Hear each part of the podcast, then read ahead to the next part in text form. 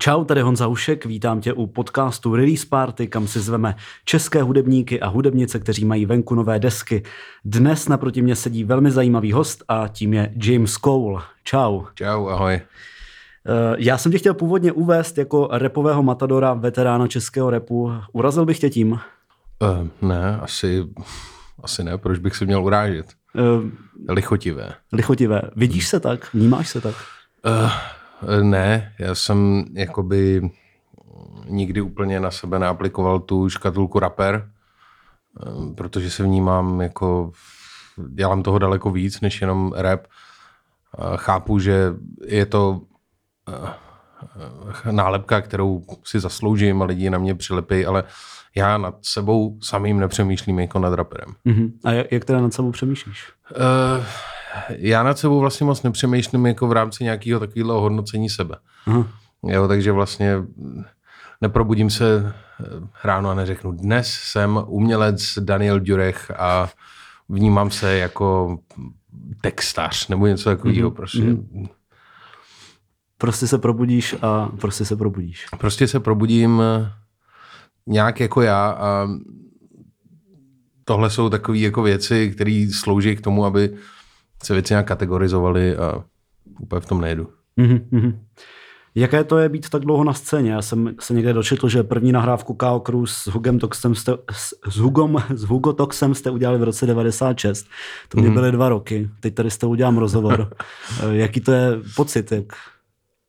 Hele, je to zajímavé rozhodně být takhle dlouho nas, dělat něco už jenom eh, z toho důvodu, že jako člověk toho fakt hodně zažil a už to ani neví. Já se prostě zase, jako, jako se nevnímám jako rapper, nebo nevnímám, ne, nepřemýšlím nad sebou takhle, tak ani nepřemýšlím moc na tou dobou.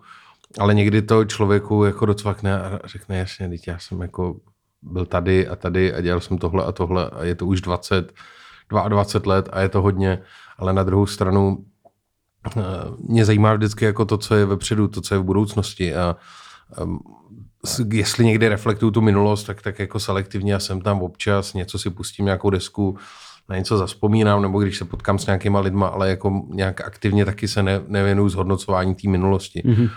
A to, co je na ní nejzajímavější, je podle mě to, že už je pryč. Mm-hmm. A nemáš teda třeba nostalgické chvíle? Hele, nemám, uh, nemám. Spíš si uvědomuji, jak moc hluboce je člověk eh, spojený a, a ovlivněný nějakýma zážitkama, třeba hudebníma, který měl v určitém věku, v určitém období. A eh, jak se některé vlastně ty návyky neustále drží, když se člověk snaží nějakým způsobem prostě mm, dostat někam jinam, totálně se přetvořit a vy, vymyslet se znova, tak eh, je, je tam velký závaží a gravitace vlastně toho původu mm-hmm. kudy vstoupil do té doby, mm-hmm. do té scény. A návyky myslíš? Uh, čím? Já nevím, třeba hudební návyky, prostě já nevím, nějakým rytmický, melodický a tak dále, tak dále. Že se svým způsobem lehce jako kdyby opakuješ, nebo že máš v sobě něco, co se eh. opakuje uh, přes ty desky, takhle jsi to myslel? No tak to, to si myslím, že má víceméně každý, že bez toho by vlastně nemohl vzniknout jakýkoliv rozpoznatelný rukopis, jo. Uh, ale spíš to nejsou ty moje návyky, ale že si všímám, že jsou to jakoby, dneska už občas vidím, co, který ty prvky jsou dobový, který patří mm. do půlky 90. let a do začátku 21. Mm. století a tak dále. Mm-hmm. No a možná těžká otázka teďka, ale prvky v současné době dokázal bys pojmenovat nějaký v repu? Uh, tak jako ta, ta hudba v době, kdy jsem začínal, já tuhle otázku teď dostávám všude, jo, takže mm-hmm. já, jednak já ji úplně nenávidím a jednak vlastně už jsem vyrobil takovou standardizovanou odpověď, kterou dávám všude. Aha, a to je?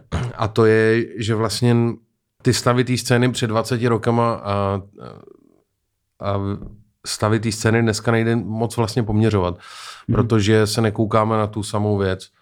Eh, vlastně ta scéna se tak hudební repová se tak radikálně proměnila za těch 20 let, že už eh, vlastně ten obraz, který tady byl, ten starý, ten zmizel. A ten byl takový, že to bylo vlastně, ta scéna byla přehlédnutelná, byla to jedna jednolitá ucelená scéna, že i přesto, že byly nějaký různé partičky, labely v různých městech a tak dál, tak jako vlastně tam bylo takový vědno, vědomí jednoty budování jednoho hip-hopu, jednoho hmm. rapu, jedné scény. A to je díky bohu a nevyhnutelně taky samozřejmě pryč, protože vlastně ten proces štěpení, který jsme nějakým způsobem nastartovali tím albem Toxic Funk jakožto supercrew, to znamená nějaký radikální řez tady do téhle jednotnosti, do, tý, do, do toho svazáctví té scény, to vlastně nastartovalo proces štěpení, který vyústil až do toho dnešního stavu, kdy máš opravdu tu scénu eh, živenou naprosto paralelníma větvema zvuku, přístupu, eh, takže pokud člověk není opravdu fanoušek repu jako takového a nesleduje úplně všechno, co se děje, tak dneska už nemůže ani mluvit o repu, protože každý z té scény vidí něco jiného a myslí si, že to je rap. A, mm-hmm. Takže zmapovat to, co se dneska děje, už je vlastně práce pro nějakého jako historika nebo encyklopedistu nebo nějakého fakt strašně nadšeného eh, strašně nadšeného fanouška, který je schopný vidět všechno. Mm-hmm. Je tady někdo na české scéně, kdo tě baví? Jasně, baví mě spoustu men. A, a můžeš je jmenovat, nebo to neděláš? Eh, moc to nedělám, jako, protože mám pocit, že je to takový jako český sport, kdo koho poslouchá, kdo koho baví a kdo s kým honí a kdo koho má... Pro... A je... Ale rozhodně je spoustu věcí, co mě baví. Baví mě, baví mě Hugo, baví mě, baví mě MC Gay, baví mě Boy Wonder, baví mě Samej, baví mě Rytmus, baví mě, baví mě Robin Zoot, baví mě uh, eh, ICL. Mm-hmm. Uh, teď taková otázka, uh, protože mě tak napadlo vlastně, že bychom mohli lehce, uh, nebo mě to zajímá, ale pochopím, když na to nebudeš úplně chtít odpovědět. Uh, vlastně před dvouma rokama nebo 2017 stal se ten beef mezi váma. Jak, mm-hmm. můžeš, jak se na to díváš vlastně s odstupem? jak, jak říkáš, já bych se v tom nerad vrtal, protože prostě já tady můžu něco říct, někdo si to může nějak jako rozebrat a uh, mám pocit, že ta věc je taková jako zakonzervovaná teďka do takové rakve a že se v tom jako nikdo moc nešťourá, aby se to nějak nerozvířilo.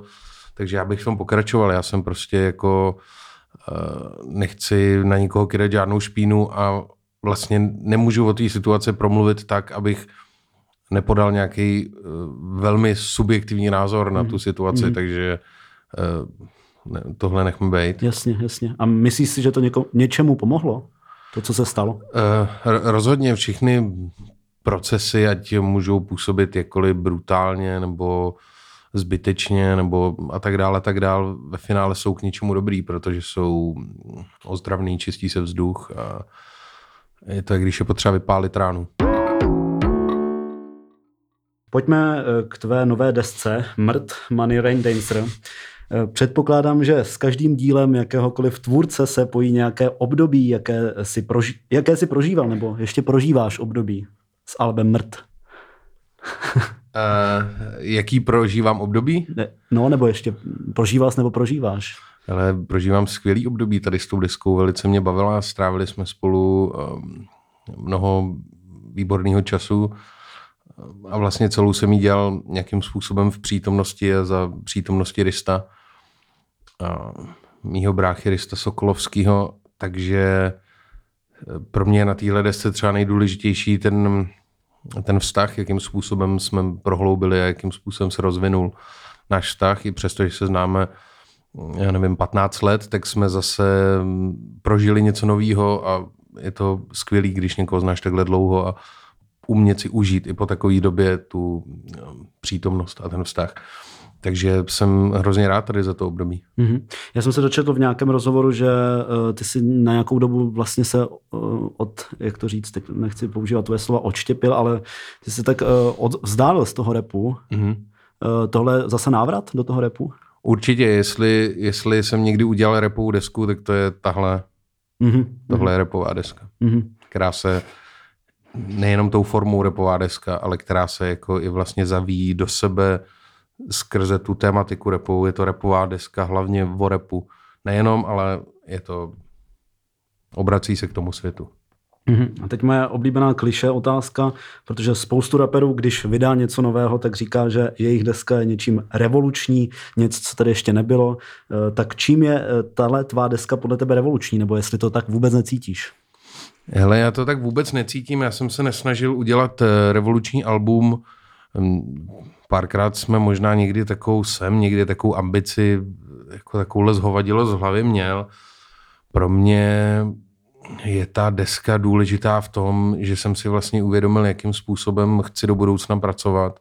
A to je tak, že už nechci dělat mezi jednotlivými projektama tak dlouhý pomlky, mm-hmm. jako je dva roky, tři roky, protože ta doba je nastavená úplně jinak. Mm-hmm. A vlastně je to o nějakým udržováním visibility. A pokud člověk to chce dělat aktivně a pohybovat se v tom prostředí té hry i vlastně v tom tržním prostředí jako takovým, tak si myslím, že ten formát vlastně deska jednou za 4, 3, 5 let, že to je vlastně způsob vydávání desek z jiného století. Tím samozřejmě nechci říct, že bych přistoupil na nějakou hru singlových věcí a neustálého vydávání singlů, ale spíš moje ambice je odbavovat teď víc projektů, častěji, kratších projektů a takovým způsobem, aby to vlastně člověka udržovalo furt v napětí a ambice není udělat tu největší bombu, jaká kdy byla. Ambice je naučit se pracovat s, s tou energií, s tou silou a zakonzervovat ji do skvělé desky a uvědomit si, kdy ta deska dostala dost a jít dál a hmm. protože já jsem si uvědomil vlastně, že na každém albu se člověk strašně naučí. Tím, že vlastně nějaký projekt doděláš, tím, že jim projdeš, tak je to nějaká cesta, je to, je to nějaký příběh, je to velice dlouhý rituál, který na jehož konci člověk prostě je jiný, než když začal. A takže moje ambice je vlastně nechat ty věci bejt a plynout tak, jak plynula inspirace a nesnažit se za každou cenu jako vy... Můžou být prostý slova? Nebo? Můžou, můžou, můžou. Ne, ne za každou slanu, za každou cenu vysrat ten masterpiece a ten hmm. klenot a, hmm. a, a ten svatý grál, ne, prostě být věrný tomu, jaký jsem byl v tom období a jít dál. Hmm. Myslíš, že je to špatný přístup vlastně uh, snažit se vždycky jako být ten uh, revoluční nejlepší bomba? Nemyslím si, že to je špatný přístup, ať si každý dělá, co chce a jenom se snažím během toho svého života v rámci té své kariéry a té své kreativity zjistit, co funguje pro mě. A jakmile se zatížím takovýhlema kritériema, tak vlastně většinou pod tím chcípnu a neudělám nic, protože jakmile člověk tadyhle ten metr jakoby začne jim poměřovat ty své věci, eh, tak ti přijde vlastně všechno a každá nicotná, protože ten, mm-hmm. ten moment toho, těch pochybností dokáže rozložit úplně všechno. A je to spíš o tom pro mě jako plavat si v tom a vědět, kdy je mi v čem dobře, kdy od toho jít a zkusit něco jiného, než furt být u jedné věci, nějaký jako neustále předělávat a čekat na to, až teda bude jako dokonalá. Mm-hmm. Opustil jsem tady ten diktát dokonalosti. Mm-hmm. Ty občas vydáš nebo vydal si desku nebo nějaký projekt pod jiným jménem, třeba Kapitán Láska nebo Stanley Kuffenheim. Eh, proč to děláš?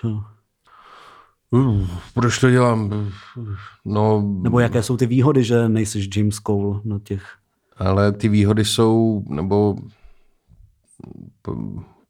takhle, já když to dělám, tak to není tak to není o tom, že bych nějak jako to strašně plánoval, nebo jsem nebo jsem si řekl, jakou teď budu hrát postavu a jaké možnosti a co potřebuji dělat. Je to spíš o tom, že jsou to prostě nápady, který dostávám a v momentě, kdy ten nápad dostanu a já nevím, třeba dejme tomu ten nápad může být eh, určitá postava, třeba u Stanleyho Kuffenheima přišlo nejdřív to jméno. Přišlo jméno a já jsem věděl, že to jméno je vlastně to, co potřebuju. Mm-hmm. A to tě napadlo to jméno, nebo si to někde slyšel? To mě napadlo to jméno. To jméno mě napadlo, eh, dostal jsem nápad a cítil jsem, že tam je víc, tak jsem to začal zkoumat, co v tom nápadu ještě je. A vlastně začala se nějakým způsobem rodit ta postava, takže takovýmhle způsobem to probíhá. Není to o tom, jako, že bych eh, seděl a říkal, jakou budu teď hrát postavu hmm. a teď je potřeba udělat CD pod nějakou postavou. Většinou to vyplyne a je to o tom, že jedna věc způsobí další a takhle se to navaluje, až třeba vznikne kapitán Láska. Když jsem brouzdal po internetu a hledal jsem o tobě jakékoliv informace, tak mě zaujal více či méně známý fakt, že jsi studoval filozofii na Filozofické fakultě. Uh-huh. Co tě k tomu vedlo? Protože to není až tak dávno, nešel si po maturitě. Jasně. Tak co, jak tě napadlo, že začneš studovat najednou? Ale ten nápad eh, byl takový, že jsem si tou filozofií vždycky chtěl nějakým způsobem projít. A nikdy jsem nenašel dostatek té disciplíny v sobě si tím procházet sám a najít si to sám. Ono je to vlastně i nesmírně, dneska už po tom, co jsem prošel, vím, že je to vlastně prakticky jako, nechci říct nemožný, jo, stát se samoukem, ale je to jako, je to velice složitý a člověk by musel být někde zavřený deset let s knihama, aby zjistil to, co se někde může dozvědět za půl roku. Dejme tomu třeba na Ústavu filozofie a religi- religionistiky na FFUK. A co mě k tomu vedlo, je, že jsem se prostě cítil mm, filozoficky deprivovaný a chtěl jsem se dovzdělat. Takže jsem se rozhodl tady pro tuhle tu cestu těch, těch faktorů, který k tomu vedli, že jsem jako chtěl jít ještě znova do školy, bylo mnoho, ale hlavní bylo tady to, no. Chtěl mm-hmm. jsem, vždycky mě to lákalo, lákalo mě nějakým způsobem um, přemýšlet určitým způsobem a měl jsem pocit, že jsem v rámci toho, co jsem schopný vymyslet, že jsem narazil na nějaké hranice a hledal jsem inspiraci, inspiraci jinde, no, u jiných mm. lidí, mm. u jiných způsobů myšlení a tak dále. A dostal si to, co jsi chtěl, nebo co ti dalo to studium? Uh, to, to studium mi dalo hodně věcí.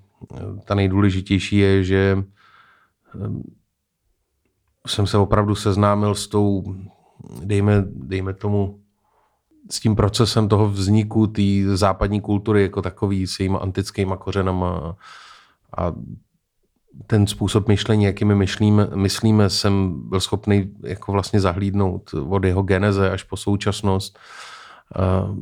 Je to zajímavé v tom, ta filozofie nabízí veliké množství velice propracovaných už velice propracovaných problémů, dejme tomu jazyka nebo myšlení jako takového vědomí.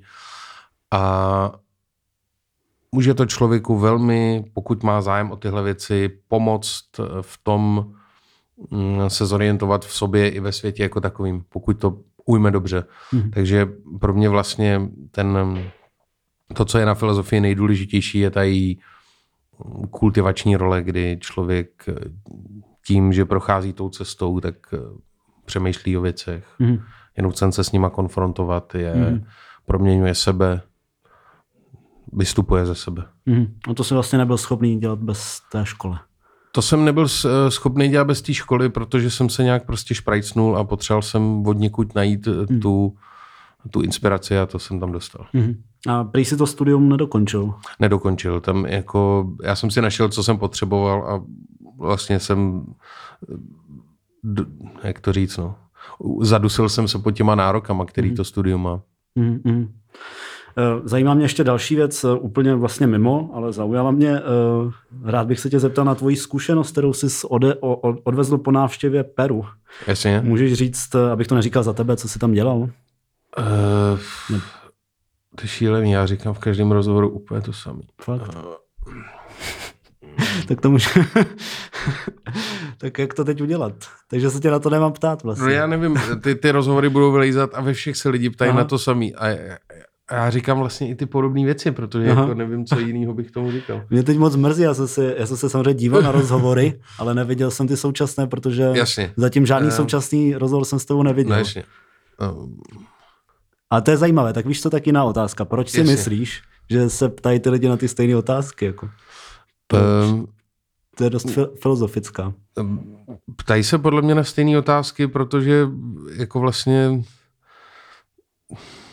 si prochází, zřejmě ty, který se na to připraví na ty interviews, eh, tak procházejí ten profil té osobnosti a najdou tam nějaké jako zajímavé věci, které jinde nenajdou a na ty se chtějí zeptat, že jo? takže jenže všichni přijdou vlastně na ty stejné věci. OK, tak eh, čím si nezajímavý? Ale asi úplně vě, většinou věcí. A myslím, že ve své podstatě jsem úplně jako obyčejný člověk a mám tuhle tu svoji polohu a identitu hrozně rád. Mm-hmm, mm-hmm. Teď mě to úplně nabouralo rozhovor samozřejmě, protože jsem měl připravil asi dalších pět eh, otázek na ayahuasku. Jasně. Ale tak já bych to stejně rád jako probral. OK. Uh, uh, protože třeba, třeba, mám, třeba mám jiný otázky. Jasně. Jako jsem, to... jsem vlastně dlouholetým uživatelem uh, určitého nápoje lektvaru, který užívají domorodí indiáni v Latinské Americe. Říká se mu ayahuasca, je to je to sloučenina vlastně, takový li, vývar z liány a listů. V listech je DMT, v liáně určitý, určitá látka, určitý enzym, který dokáže vlastně metabolizovat to DMT, tím pádem člověk je schopný zakusit účinky toho DMT, co je DMT. DMT je velice silná halucinogenní molekula, takhle tomu my říkáme, tady v Evropě, takhle jsme si to klasifikovali tady tím způsobem poznáváme svět. Eh, co to je v rámci té indiánské kultury? V rámci té indiánské kultury je to živá duše, je to, je to duch, je to duch pralesa, je to velice hmm. mocný duch. Eh, oni vlastně každou tu rostlinu vnímají. Pro ně každá rostlina má svůj odraz zároveň i v tom světě duchovním, duchovním v, v tom, v hmm. tom v té oblasti těch mm. duchů, takže prostě v té jejich mytologii, mm. v, té, v té jejich kosmologii vlastně každá ta rostlina představuje nějakýho, mm. nějaký, mm. Dejme tomu božstvo ducha nebo mm. něco takového. Tak já bych tě z toho vysvobodil, tak eh, z toho vyprávění uh, dlouhého, tak uh, já jsem měl učitele na střední, který taky mám pocit, že byl zrovna v Peru, mm. vyzkoušel si tohle a říkal, že ten druhý den potom, co se probudil, takže on šel do toho lesa a že říkal, to nebylo tak, že ten strom tam prostě jako roste. To já jsem prostě věděl, proč, jako já jsem viděl až za ten strom, tak měl si jako těžko popsatelný, tohle dost abstraktní. Měl si takovýhle podobný pocity? Um, Nebo máš? v momentě, kdy člověk se účastní těch rituálů s těma místníma domorodýma obyvatelema, tak se dostává vlastně do nějakého sféry, do sféry jejich přemýšlení, do sféry jejich kultury, do vlastně určitý energie, kterou má ta země a kterou má to jejich myšlení. A to je dost radikálně odlišný od, na, od našeho. A je to hodně vlastně spojený s přírodou. Je to spojený s přírodou. Takže vlastně to napojení na, ty, na tu já nevím, jak to říct, na tu vitální lesní energii je tam velice silný. Jo. Hmm. Takže eh, dokážu si představit, že pan učitel někde jako běhal a pochopil strom. Co jsi pochopil ty? Hele, pro mě pro mě to bylo důležité v rámci nějaký introspekce, kdy jde o nějaký velmi specifický terapeutický nástroj, kdy člověk může zkoumat svoje nitro, může přemýšlet úplně způsobem, který je diametrálně odlišný od toho, mm. k čemu má normálně přístup. Mm. Je to jakoby eh, dostal do ruky nějaký mikroskop a s, s, k tomu ještě schopnost modulovat mm. čas a prohlížet si opravdu ty procesy, mm. které se dějou v rámci té psychiky, prohlížet si vlastně práci vědomí, tak jakým způsobem lze se na ně jenom vůbec koukat, v tom je to nesmírně cený. Eh, I ty vlastně vnější vhledy, i to, jakým způsobem může člověk nazírat na svět okolo, těma očima se radikálně mění. A umožňuje to určitě člověku vystoupit ze sebe, to znamená uh, uvědomit si, co jsem, jak jsem a podívat se mimo to. Eh, já nevím, to, já, hmm. já, já o tom hmm. fakt vlastně nerad mluvím, hmm. protože hmm. vlastně já pak musím, jako vlastně bych musel říct všechno a byli bychom tady jo. celý odpoledne. Rozumím. Pro někoho, kdo vlastně není v tom, pro někoho, kdo v tom není zainteresovaný, neví, o co jde, tak je to jenom takový jako vlastně strašně obecný žvanění, který ti vůbec eh, nic neřekne. Pro někoho, kdo je tím obeznámený, je to zase jako tlachání, který je pro ně už zbytečný, takže spíš se mě zeptají na něco konkrétního, protože jinak se v tom uvařím. Jasně, doporučil bys to někomu? Uh, Nebo doporučil bys to všem? Nebo je to pro všechny? Hele, velice obezřetně. Vlastně bych to nedoporučil skoro nikomu, protože je to prostě velice silná látka, nebo říkejme tomu jakkoliv. Hmm. A v momentě, kdy člověk není silnou osobností a nemá silnou psychiku, tak ho to může dost významně ovlivnit a naopak ty problémy, které tam třeba byly, ještě prohloubit, Mm, protože dojde k jejich zakrytí, Mm. dojde vlastně k jejich, já nevím, eliminování pomocí ně, něčeho, co jako ne, nevyléčilo, nevyřešilo, ale naopak překrylo prostě, dejme tomu, nějakýma projekcema, halucinacema. Naprosto běžně se stává, že ty lidi, kteří Evropani, západní lidi, Američani, kteří odejdou pít do Latinské Ameriky, se prostě vrátí podnikatelé se vrátí v pončů a mm. jsou z nich věrozvěstové mm. medicíny, mm. ayahuasky, protože vlastně ten zážitek je hrozně silný a je hrozně subjektivní. A ta západní mysl, ten Evropan, jemu se to hrozně blbě nějakým způsobem inkorporuje do toho jeho světa. Neví, jak takový zážitek integrovat. A z- spoustu těch myslí reaguje tím způsobem, že řekne, aha, proč jsem to viděl, proč jsem dostal tady ty informace, proč jsem zjistil tohle, no, protože jsem vyvolený a je mojí povinností to šířit dál. Jo, takže vlastně z té džungle vybíhá spoustu takových vlastně jako pomatenců. Mnich, který prodal svoje Ferrari. Jsem No jasně. vzpomněl. Ano, mnich, který prodal svoje Ferrari, ale a v tomhle smyslu je to nebezpečný. Takže pokud to člověk chce opravdu používat jako léčebný nástroj, tak je velice obezřetně, hmm. velice opatrně, rozmyslet si, co chci, zdali je to ta cesta hmm. pro mě a potom to nějakým způsobem zkusit, protože za těch pět let, co se tím zabývám, jsem vlastně od momentu, kdy jsem si myslel, že by to měl pít každý, tak jsem došel jako do bodu, kdy jsem zjistil, že by to neměl pít skoro nikdo. Neměl jsi strach, když jsi to zkoušel poprvé, že už se nevrátíš, jako, nebo že už se vrátíš tak moc eh, změněný, že... Ale určitě ten strach jsem měl strašný. A ten strach mám de facto po každý, když piju, hmm. protože prostě je to určitý skok do propasti vždycky, po každý, když to člověk dělá. A ten respekt z toho je zdravý. Mhm. Mhm. A to poznání se ti prohlubuje eh, postupem času, jak to zkoušíš. Ale poznání jde, jde o to, jak říkám, no, jde o to, co člověk hledá. A pro mě je to třeba nejdůležitější v tom, že to je nějaký nástroj pro určitou duševní hygienu. Jak eh, do počítače dáváš nějaký jako clean-up tool nebo něco takového, mm. tak eh, takhle já to využívám. Ale není to jediný způsob, jak se to dá použít. Je to, je to fakt věc, s kterou se dá dělat hodně věcí a záleží hodně na těch intencích toho člověka. Mhm.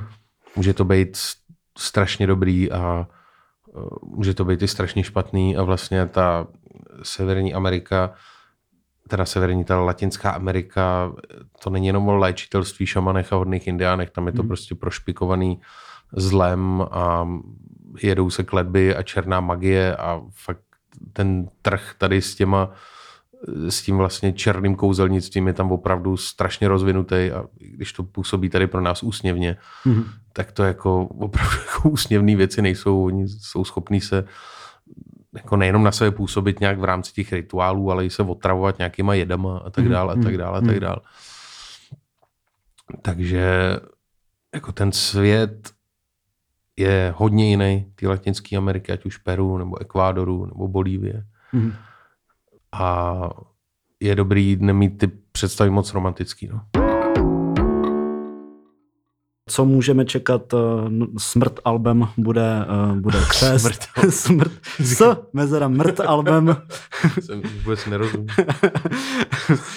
bude křest, bude tour. Eh, Bude křest eh, 10.4. ve Stormu. Mm, Pak bude Brněnský křest 17.4. na Flédě. Mm-hmm. Jsou nějaký koncerty okolo, který se jedou. Třeba teď v březnu bude Plzeň, tábor, Bratislava je tam na duben naplánovaná. Mm. A pár nějakých takových měst, který budou přibývat samozřejmě. Na léto řešíme nějaké jako festiáky a tak dále. Takže rozhodně smrt album. smrt uh, Alba Mrt ještě nebude. A, přesně. děkuji ti za rozhovor. Já děkuji.